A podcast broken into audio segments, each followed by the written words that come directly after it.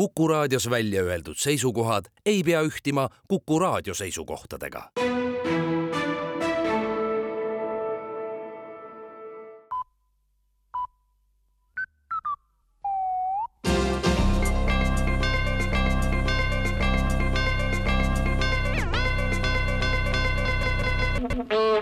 tere uudiste stuudiost, mikrofoni juures Rohke Debelak valitsus vaatas eile üle andmed, mis näitavad, et käibemaksu tõus ei ole oluliselt mõjutanud Eesti inimeste hakkamasaamist. kuigi hinnad tõusevad ja need tekitavad esimesel silmapilgul inimestes negatiivseid emotsioone, siis ei ole mõtet seda protsessi negatiivses mõttes siiski üle hinnata valitsuse sõnul võivad hinnad tõusta nii palju, kui tahavad, suuremal osal inimestest ei ole niikuinii raha, et midagi osta ja nii ei puudutagi hinnatõus just paljusid.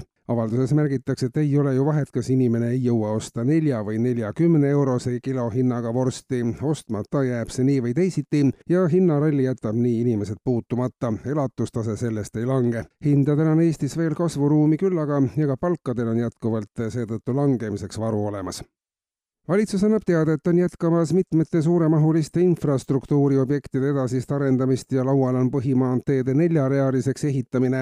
hetkel analüüsitakse viimaseid uuringuid, mis neljarealise tee vajalikkust on püüdnud välja selgitada ja nagu need uuringud näitavad ja liikluspolitseinike ja kaasliiklejate tähelepanekud samuti, siis on järjest enam juhte, kes juba mitu aastat liiklevad nii, nagu neljarealine tee oleks igal pool ammu valmis kui selline praktika tõepoolest reaalsuses toimib, võib tee füüsiliselt neljarealiseks ehitamisega tegemata jätta, sest Eesti liiklejad oskavad kaherealist teed kasutada nii, nagu see oleks neljarealine. kulude kokkuhoid oleks aga märkimisväärne maaeluministeerium annab aga teada, et pärast põhjalikke arutelusid on antud soovitus loobuda kõikidest tegevuskavadest, mis nägid ette alkoholi kättesaadavuse olulist piiramist. esmapilgul näib, et liigne alkoholi tarvitamine on ka maaelu üks suuremaid vaenlasi, kuid süvitsi minnes selgub, et joomine on põhjus, miks paljudes kohtades üldse veel elu maal alles on. pidevas alkoholijoobes inimesel on palju sellist mõtteainet, mida ei ole võimalik ellu viia. kui inimene aga kaineks saab, siis tekivad tal teistmoodi mõtted ja ta hakkab liikuma sinna, kus ta neid mõtteid saab teoks teha, ehk teisisõnu tänu kaine inimene hakkab paratamatult liikuma linna suunas. et inimesi maal kinni hoida, tuleb neile mõtteaine võimalikult odavaks teha. kui viin oleks maal kolm korda odavam kui linnas, siis tekiks ka palju maal elada soovivaid inimesi.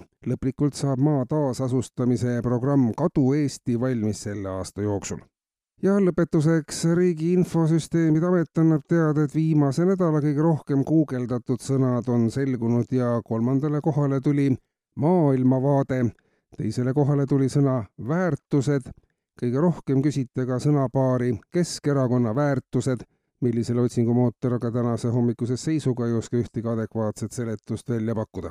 kuulsite uudiseid